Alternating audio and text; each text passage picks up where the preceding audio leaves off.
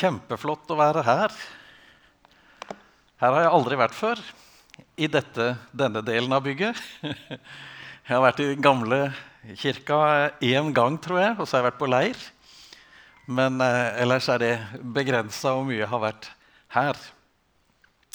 Eh, han sa det at jeg måtte fortelle litt om meg selv først, og det er det jeg liker minst. Men eh, navnet har dere hørt. Kommer fra Tvedestrand, selv om det ikke høres selv sånn ut. Eh, så er jeg derfra.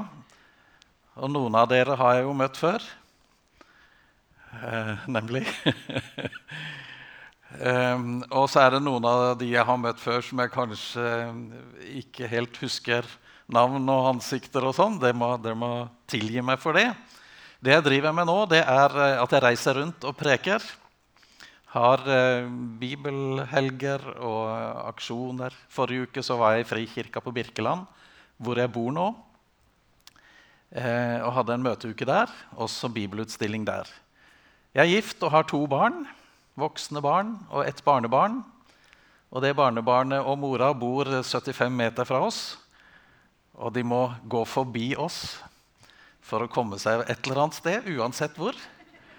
Så eh, da kan bestefar sitte der og følge med.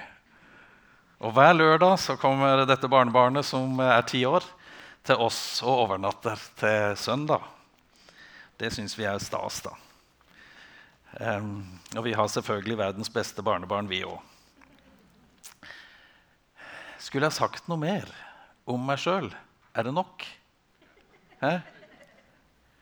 Jeg liker best å prate om en annen når jeg preker, enn meg sjøl. Eh, men jeg skriver jo også noen bøker, da. um, og jeg har med to stykker som, er, som har med Bibelen å gjøre. Eh, og bibelutstillinga. Det ene er en som heter 'Bibelens reise mot nord'. Rar tittel, kanskje, men den handler om den første oversettelsen fra Det gamle testamentet, som da skjedde ja, mellom 100 og 200 år før Kristus, og fram til Bibelen kom til Norden og Norge. Eh, enkel, grei, lettfattelig. Den er jo, som dere ser, ikke veldig tjukk. Eh, men likevel så har vi fått med eh, hvordan Bibelen har blitt oversatt til ulike nasjoner, og historier rundt det som er ganske spennende. 149 kroner.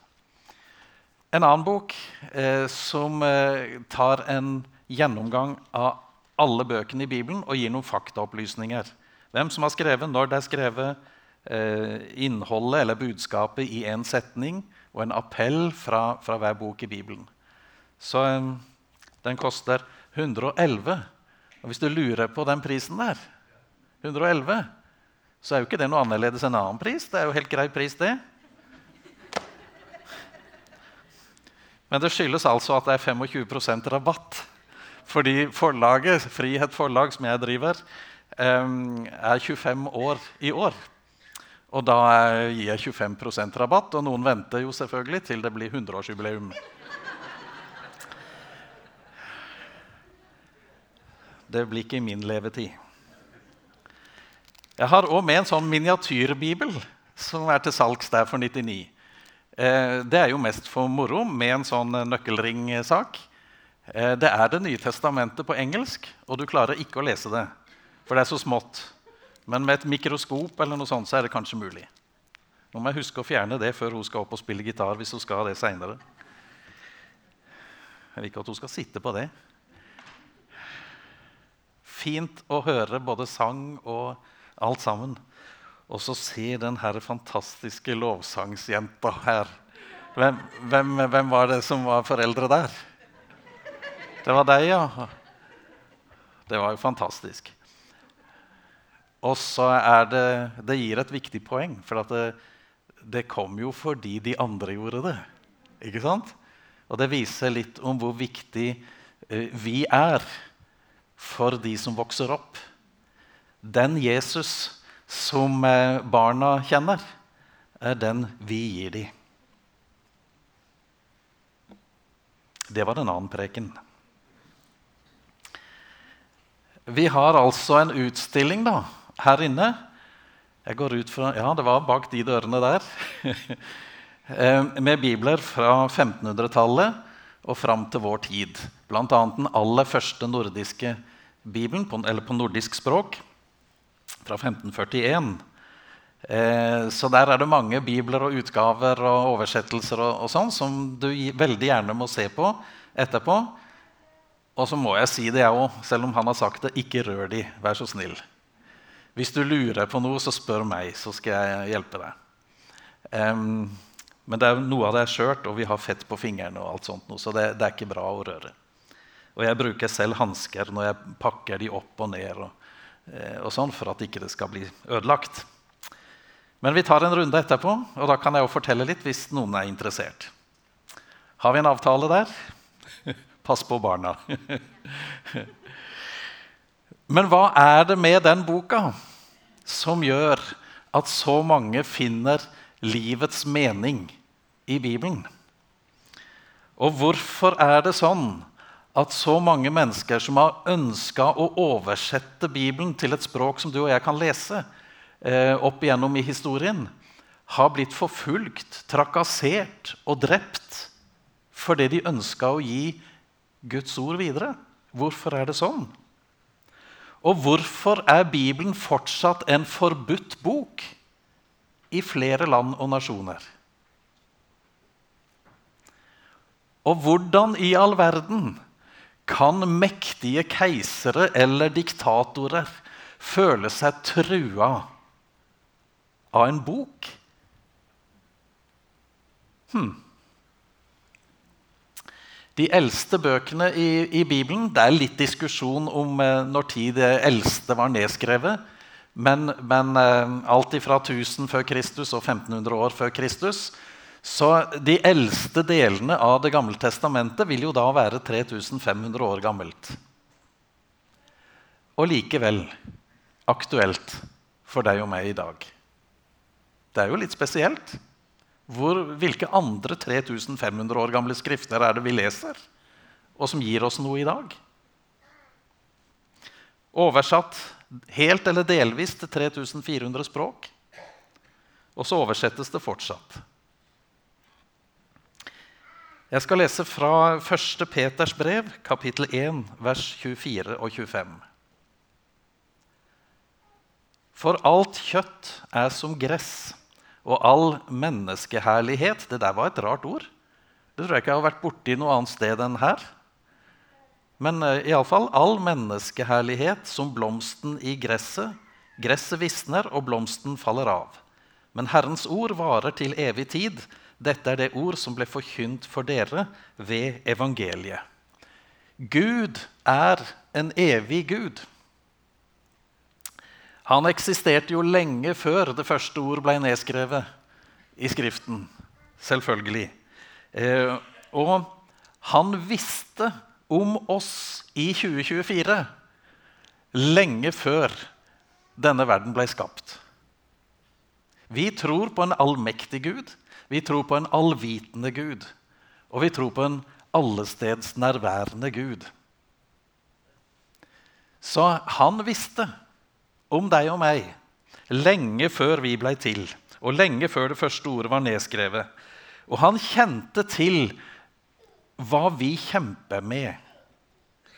Han kjente til vi, eh, hvilke utfordringer vi har i livet.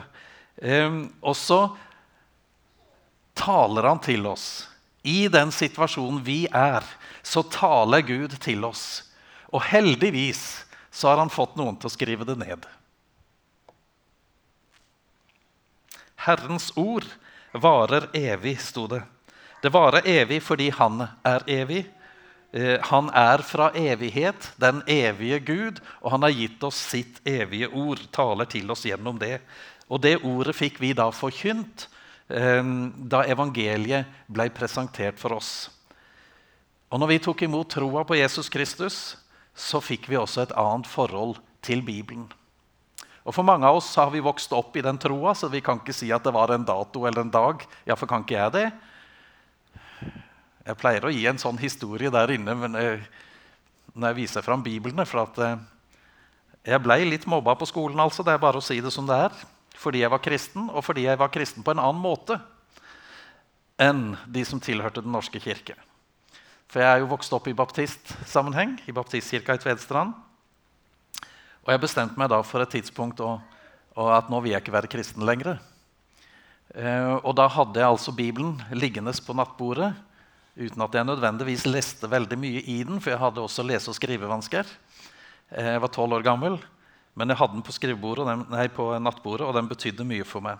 Og det kunne jeg jo ikke ha når jeg ikke skulle være kristen lenger. Så da åpna jeg skuffen, la den oppi der, og så skjøv skuffen igjen. Da var jeg ikke kristen lenger. Så gikk det ti minutter, og så måtte jeg ha den opp igjen. Så jeg pleier å si at jeg er en mislykka ufrelst. Jeg har ikke noe karriere der, så jeg har ti minutter.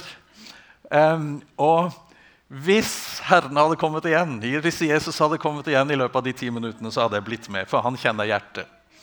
Så det er noe med det. Og jeg tror kanskje det blir mange flere enn vi hadde regna med, som blir med når han kommer. Så, så jeg er ikke så bekymra for, for, den biten i mitt liv, da. Eh, en del andre òg som jeg tror vi kan regne med kommer. Som ikke er av de mest aktive. Men iallfall vi som er troende, vi som er frelst, vi har mottatt også Den hellige ånd i våre hjerter. Som et pant i våre hjerter, sier Skriften. Og Ånden leder oss. Og jeg har bare lyst til å si det. Vi ikke, når, vi, når, vi, er troende, så har vi ikke fått 70% av Ånden eller 50% Vi har fått hele Guds ånd. ikke sant? Alle som tror, har fått hele Guds ånd i sitt hjerte. Ikke sant? Men så kan en oppleve ting med Den hellige ånd i tillegg. Eh, og, og, så er vi ulikt eh, skapt av Herren. Noen er veldig følelsesmennesker og, og føler mye. Andre er ikke det. Og så ligger jeg et sted midt imellom der. Og så kjenner jeg på det at jo eldre jeg blir, jo mer følelser er det. Noen andre som har det sånn? Så når jeg så den jenta, og under lovsangen, så er det akkurat som det blir litt blautere i øyet enn det var ellers. Den hellige ånd minner oss på, underviser, underviser oss, viser oss ting. Eh, tar det Jesus har sagt, og gir det til oss. Ehm, I 2. Peters brev Denne prekestolen var mye bedre enn den jeg hadde forrige uke. For der, når jeg la Bibelen der på, i, i, Birkeland, så sklei den ned. jeg måtte holde på den for å holde den i ro. Det er sånn jeg er, altså. Unnskyld. Jeg håper dere klarer å følge med likevel. 2. Peter, kapittel 1, vers 20 og 21. For først og fremst vet dere dette, at ingen profeti i Skriften er gitt til egen fortolkning, for aldri er noen profeti kommet ved et menneskes vilje, men Guds hellige mennesker talte drevet av Den hellige ånd. Og det ble nedskrevet i Bibelen. Fantastisk.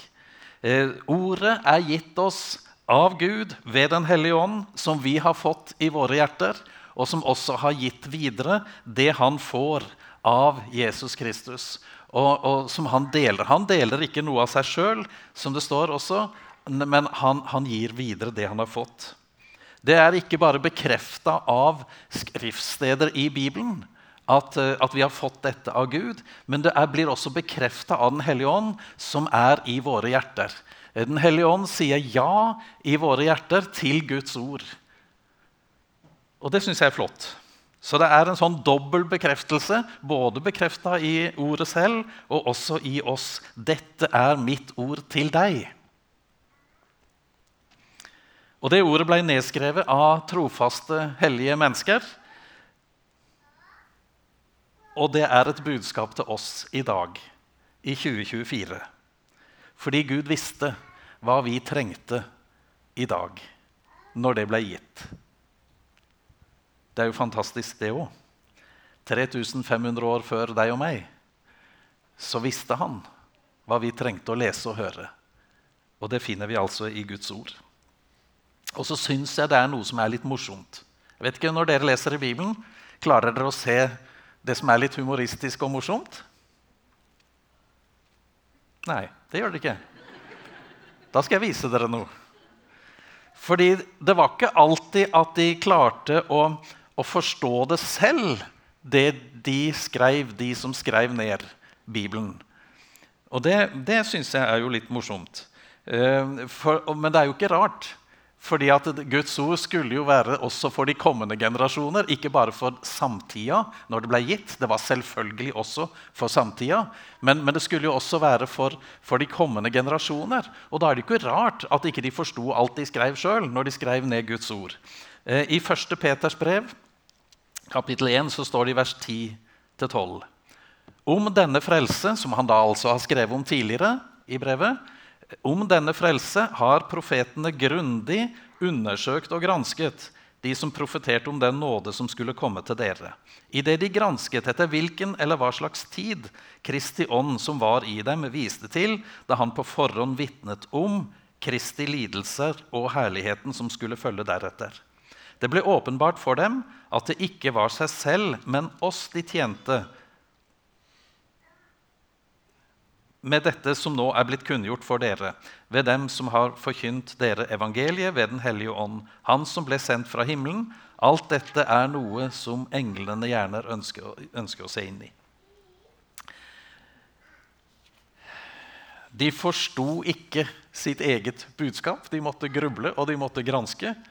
Ehm, for å få tak i hva det her handla om. Og konklusjonen var at det er ikke til dere likevel. Det er til noen kommende generasjoner. Det er noe som skal komme der framme. Det er nåde og frelse som, som kommer.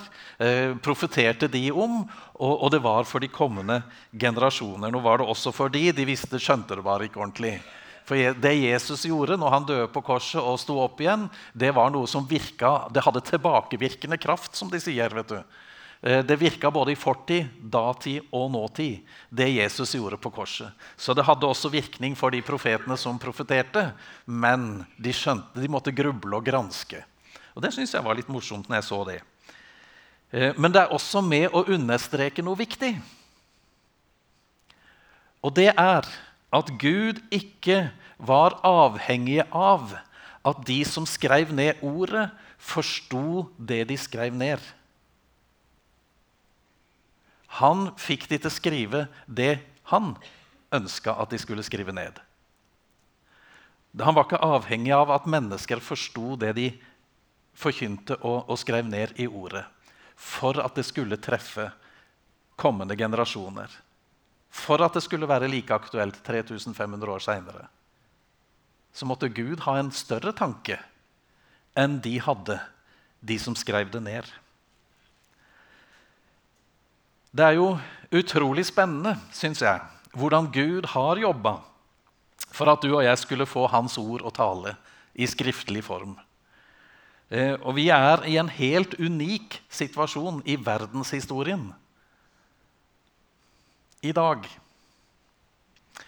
Fordi selv om ordet ble nedskrevet, og selv om eh, du fikk tak i en bibel, så var det ikke gitt at du kunne lese. Ikke sant? Folk flest kunne jo ikke lese. Og eh, folk flest kunne ikke få tak i en bibel. Det var jo håndskrevet. Skulle du ha en bibel, så måtte du ha en i utgangspunktet, og så måtte du skrive av. Sånn var det jo. Ekstremt dyrt. Folk jobba jo betydelig mer enn vi gjør i dag. Og så skulle de begynne å skrive av en bibel i tillegg. Altså, Det var jo ikke mulig. Det var ikke alle prester engang som hadde en bibel. Og det er jo først på 1400-tallet at de begynner å trykke. ikke sant? 1454 ble den første boka eh, presentert, som var trykt. Og Den første boka var jo da en bibel. Da hadde Gutenberg brukt flere år han, på å trykke 180 bibler. Og det er klart at De 180 biblene var jo ikke for folk flest. Det var jo dyre saker. Han gikk forresten konkurs, Gutenberg. Så var det en rik kar som overtok. Og flere hundre år seinere, altså etter Gutenberg, så var det jo fortsatt veldig dyrt. På 1700-tallet f.eks. Skrekkelig dyrt med en bibel. Så det var ikke for hvem som helst å både få tak i og å lese Guds ord. En var avhengig av andre, altså andre skulle forkynne det. Men heldigvis så var det noen som har tatt vare på Guds ord for oss i alle de herre åra og generasjoner, og som har gjort det mulig for oss mennesker å i dag kunne tilegne oss Guds ord. Så vi lever i en unik situasjon. For det første så kan de fleste av oss lese. Og for det andre så er prisen på bibler nå sånn at de fleste av oss kan kjøpe en. Og hvis du har en veldig utfordrende økonomi, så er jeg sikker på at du kan gå både til Den norske kirke og til Guds menighet her og bare si at eh, jeg har en sånn utfordrende tid økonomisk, men jeg har veldig lyst på en bibel. Kan dere hjelpe meg? Vil dere si nei? nei. Dere vil hjelpe med å få, få tak i en bibel. Så, så, så sånn er det. Um, så vi er veldig heldige. Vi har bibler, og den fins altså på så mange språk. Og vi kan lese de fleste av oss. Så det gjør det denne tida unik. For det har jo ikke vært mulig mer enn kanskje si 150 år da, for folk flest å lese Bibelen.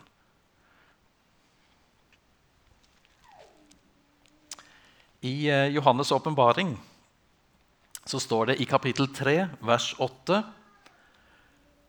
Jeg vet om gjerningene dine. Se, jeg har satt foran deg en åpnet dør, og ingen kan lukke den igjen.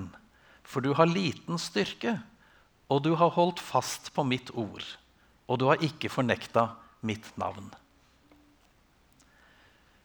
Menigheten i byen Philadelphia i Lilleasia får skryt av Herren fordi de har tatt vare på Guds ord.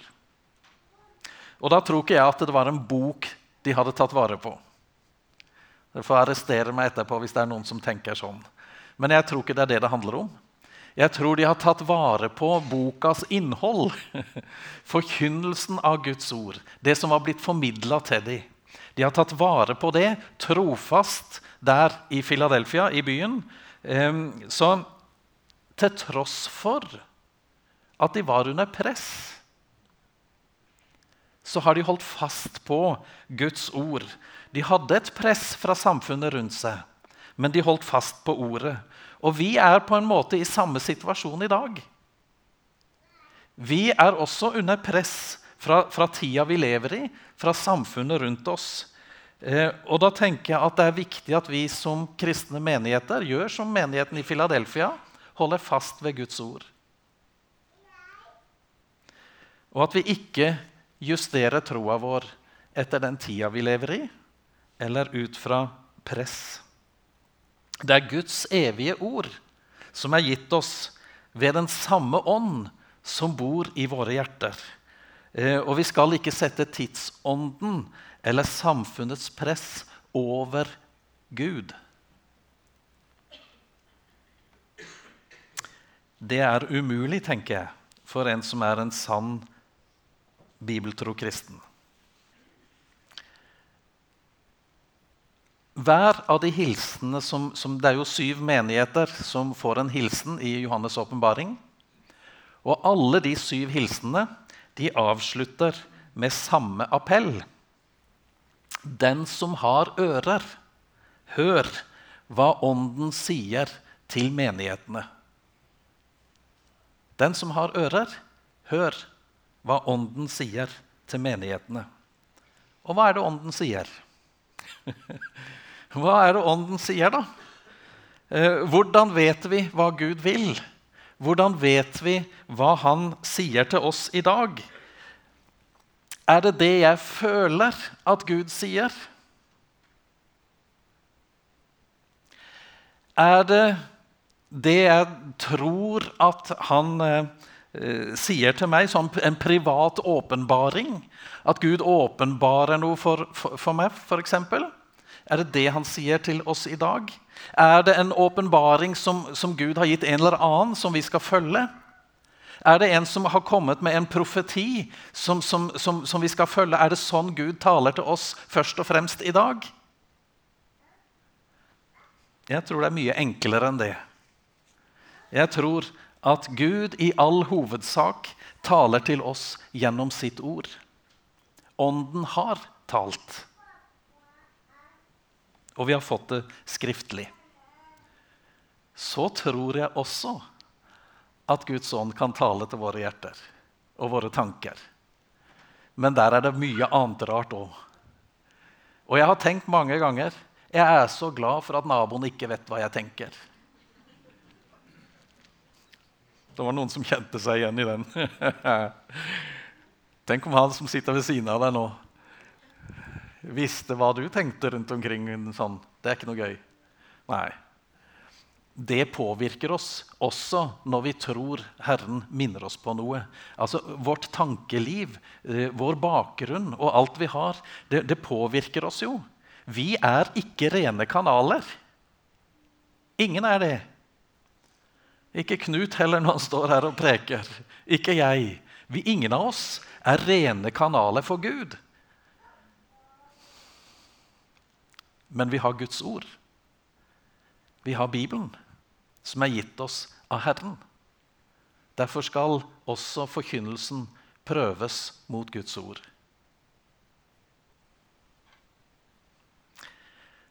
Men vi har fått Den hellige ånd, og Den hellige ånds oppgave snakker Jesus om. I Johannes kapittel 16, vers 13 og 14 så står det Men når Han, sannhetens ånd, kommer, skal Han veilede dere til hele sannheten. For han skal ikke tale ut fra seg selv, men det han hører, skal han tale. Og han skal forkynne dere de ting som skal komme. Han skal herliggjøre meg, for han skal ta av det som er mitt, og forkynne det for dere. Og Så skal jeg jo lese litt fra Johannes 14, vers 15-17 og 23. Hvis dere elsker meg, så hold mine bud. Og jeg vil be Far, og han skal gi dere en annen talsmann, for han skal bli hos dere til evig tid. Sannhetens ånd, som verden ikke kan få, siden den verken ser han eller kjenner han. Men dere kjenner han, for han blir hos dere og skal være i dere. Og vers 23. Jesus svarte ham, 'Hvis noen elsker meg, vil han holde mitt ord.' Og min far skal elske ham, og vi skal komme til ham, og vi skal ha vår bolig hos ham. Så Faderen og Sønnen vil tas bolig i den som holder fast ved Guds ord. Og hvordan skjer det? Jo, det skjer ved Guds ånd, som tar bolig i oss. Og han, ånden, taler altså ikke ut fra seg selv, men det han får, og han herliggjør Jesus. Han tar det Jesus har vist.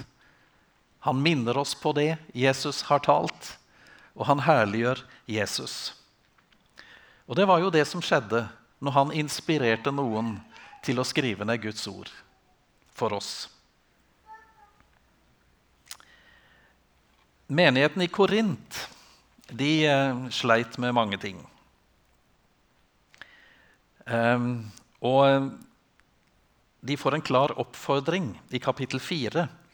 Første del av vers 6 så står det sånn Dette, søsken, har jeg for deres skyld overført på meg selv og på Apollos, slik at dere kan lære av oss og ikke tenke annerledes enn det som er skrevet. I en annen oversettelse så står det 'ikke gå utover det som er skrevet'. Og hvorfor skal vi ikke gjøre det? Hvorfor skal vi ikke tenke annerledes eller gå utover? Jo, fordi da beveger vi oss bort fra det som er Guds ord, det som er Guds tale til oss. Da beveger vi oss bort der og har en annen autoritet, en annen kilde til vår tro, hvis vi beveger oss bort fra det som, som uh, Skriften gir oss. Uh, da har vi en annen autoritet, og det er vel feil? Er det ikke det for oss kristne? Er det ikke Gud og Hans tale som skal være vår autoritet. Jeg tror de fleste kristne menigheter har Selv om vi er uenige om enkelte ting, det er vi jo, eh, men vi har likevel en sånn grunnholdning at det er Bibelen som er utgangspunktet for vår lære og forkynnelse. Er det ikke det? Det er sånn her i Guds menighet. Er det ikke det? Er det ikke sånn også i Den norske kirke? Og sånn er det også i baptistkirka hvor jeg vokste opp. Det står i vedtektene at eh, Bibelen er eneste åssen er det står da? Bibelen er eneste autoritet i spørsmål om lære, tro og lære. Eh, og, og, og sånn, sånn, er det. Det er kilden, det. Og hvis vi begynner å høste eller, eller ta fra andre kilder i troa vår, så beveger vi oss bort fra det som er gitt oss som Guds ord. Og grunnen til at Bibelen alltid er like aktuell, det er jo, og taler inn i vår tid, det, det er jo nettopp fordi at Gud aldri går ut på dato. Ikke sant? Han går ikke ut på dato. Han er den evige Gud. Sånn at hans evige ord taler jo da for evig til oss. Det er like aktuelt for Adam og Eva som det er for Ulf Magne eller uh, Kjetil Torp. det er like aktuelt i dag fordi Gud er like aktuell i dag. Så er også hans ord det. Jeg må til salmen en tur òg, og jeg aner ikke hvor lenge jeg har prekt. Det er ingen klokke jeg ser noe sted. Når folk begynner å gå, da har jeg skjønt jeg har prekt for lenge. I Salme 119 det er jo en salme som handler om Guds ord. Eh, der står det i vers 89.: Til evig tid, Herre, står ditt ord fast i himmelen. Også det kjente fra 105, vers 105. Ditt ord er en lykt for, fot, for min fot og et lys på min sti. Gud lyser opp livsstien vår. Og vi lever i en tid med mye uro, med mye bekymringer. Det er krig i Europa. Det er krig i Midtøsten. Vi ser det på, på TV kveld etter kveld. For mange er det også en veldig utfordrende økonomi for tida. Matkøene hos Frelsesarmeen blir lengre og lengre. Det er stadig flere som mister troa på en god framtid. Kirkens SOS og lignende de får stadig flere telefoner av folk som har det vanskelig. Og en stor andel av dem tenker på å avslutte livet. Hva har det med Bibelen å gjøre? Jo, Bibelen gir håp. Midt i alt det her, gjennom skiftende tider, i krig og i uro, i vanskelige tider, så gir Gud oss håp gjennom sitt ord. Og i Jeremia så står det et vers som dere kan, i vers 11, 29, vers 11. For jeg vet hvilke tanker jeg tenker om dere, sier Herren tanker til fred og ikke til noe ondt. Jeg vil gi dere framtid og håp. Hovedgrunnen til tenker jeg, at Gud har gitt oss sitt ord, er for at han vil gi oss framtid og håp. En framtid sammen med han, og et håp også i den tida vi lever her. Så har han gitt oss sitt ord. Og den som har tjuvlest litt bakerst i boka, den vet at det er en fantastisk framtid. Det er en helt utrolig flott framtid som vi har foran oss. Eh, hvis vi lytter og tar imot det budskapet som boka har til oss, så har vi en himmel foran oss. Og vi har noen forestillinger av hvordan himmelen blir. Og jeg vil, kan garantere deg at det blir bedre. Vi har ikke fantasi nok til å tenke hvordan det vil bli i Guds himmel. Men vi har fått noen glimt i boka. Skal ikke opp og sitte her nå. Nei. For da må jeg rydde stolen. I Johannes' åpenbaring, kapittel 21, så står det fra vers 4.: Gud skal tørke bort hver tåre fra deres øyne, og døden skal ikke være mer. Heller ikke sorg eller gråt eller smerte skal være mer, for de første ting er blitt borte. Så sa han som satt på tronen, se, jeg gjør alle ting nye. Ja, du har mer godt i vente enn du aner der framme. Og Bibelen viser oss veien og gir oss noen glimt da, inn i den framtida. Derfor tror jeg vi skal løfte den Bibelen og boka opp. Eh, og vi skal holde den høyt og verdsette den høyt, for der er det liv. Selv om jeg har svikta, selv om ordet noen ganger dømmer meg, så er det likevel Guds evige ord, og det er alltid like aktuelt. Det sto jo noe om det at det kløyver marg og bein, så det kan være litt ubehagelig noen ganger når Gud taler til oss gjennom sitt ord, og vi har bomma litt i livet. Men eh, når vi bommer og ikke alltid klarer å få til å leve sånn som vi gjerne vil, og sånn som Guds ord sier, så kan vi jo komme til Han, da, som Ordet og Ånden vitner om. Og så kan vi be om nåde. Vi kan be om tilgivelse. Og så vet vi, fordi Ordet sier det, at Han renser oss fra all synd. Han tilgir oss, renser oss fra all synd, og vi får gå rene videre. Det hadde også fortjent et amen. Fantastisk. Nåde og tilgivelse. Det er det Gud forkynner for oss. For som Bibelen sier, da Han er trofast om vi er troløse. Men så har vi et hjerte og et ønske om å leve rett for Han. Og så håper jeg da at det en dag kan sies om oss, som det ble sagt om menigheten i byen i Filadelfia jeg vet om gjerningene dine. Se, jeg har satt foran deg en åpnet dør, og ingen kan lukke den. For du har liten styrke, og du har holdt fast på mitt ord. Og du ikke, og har ikke fornektet mitt navn. Amen. Takker deg, Jesus. Jeg takker deg for alt du har gjort for oss. Jeg takker deg for at eh, vi kan ha deg med i livet vårt. Du er vår frelser og herre. Og jeg takker deg for at du har gitt oss ordet. Du har gitt oss Bibelen. Takk for at vi kan gå inn i den. Be deg åpenbare ordet for oss, så vi får se hvor stort det er, det du taler om. Takk, Jesus. Jeg takker deg for at du har holdt din hånd over det som er skrevet sånn at vi i dag kan lese med trygghet i Bibelen det budskap som du ga for 3500 år siden. Takk, Jesus. Takk for de som har gått før oss, de som har tatt vare på ordet, de som har forkynt evangeliet for oss. Takker deg for den velsignelse det er.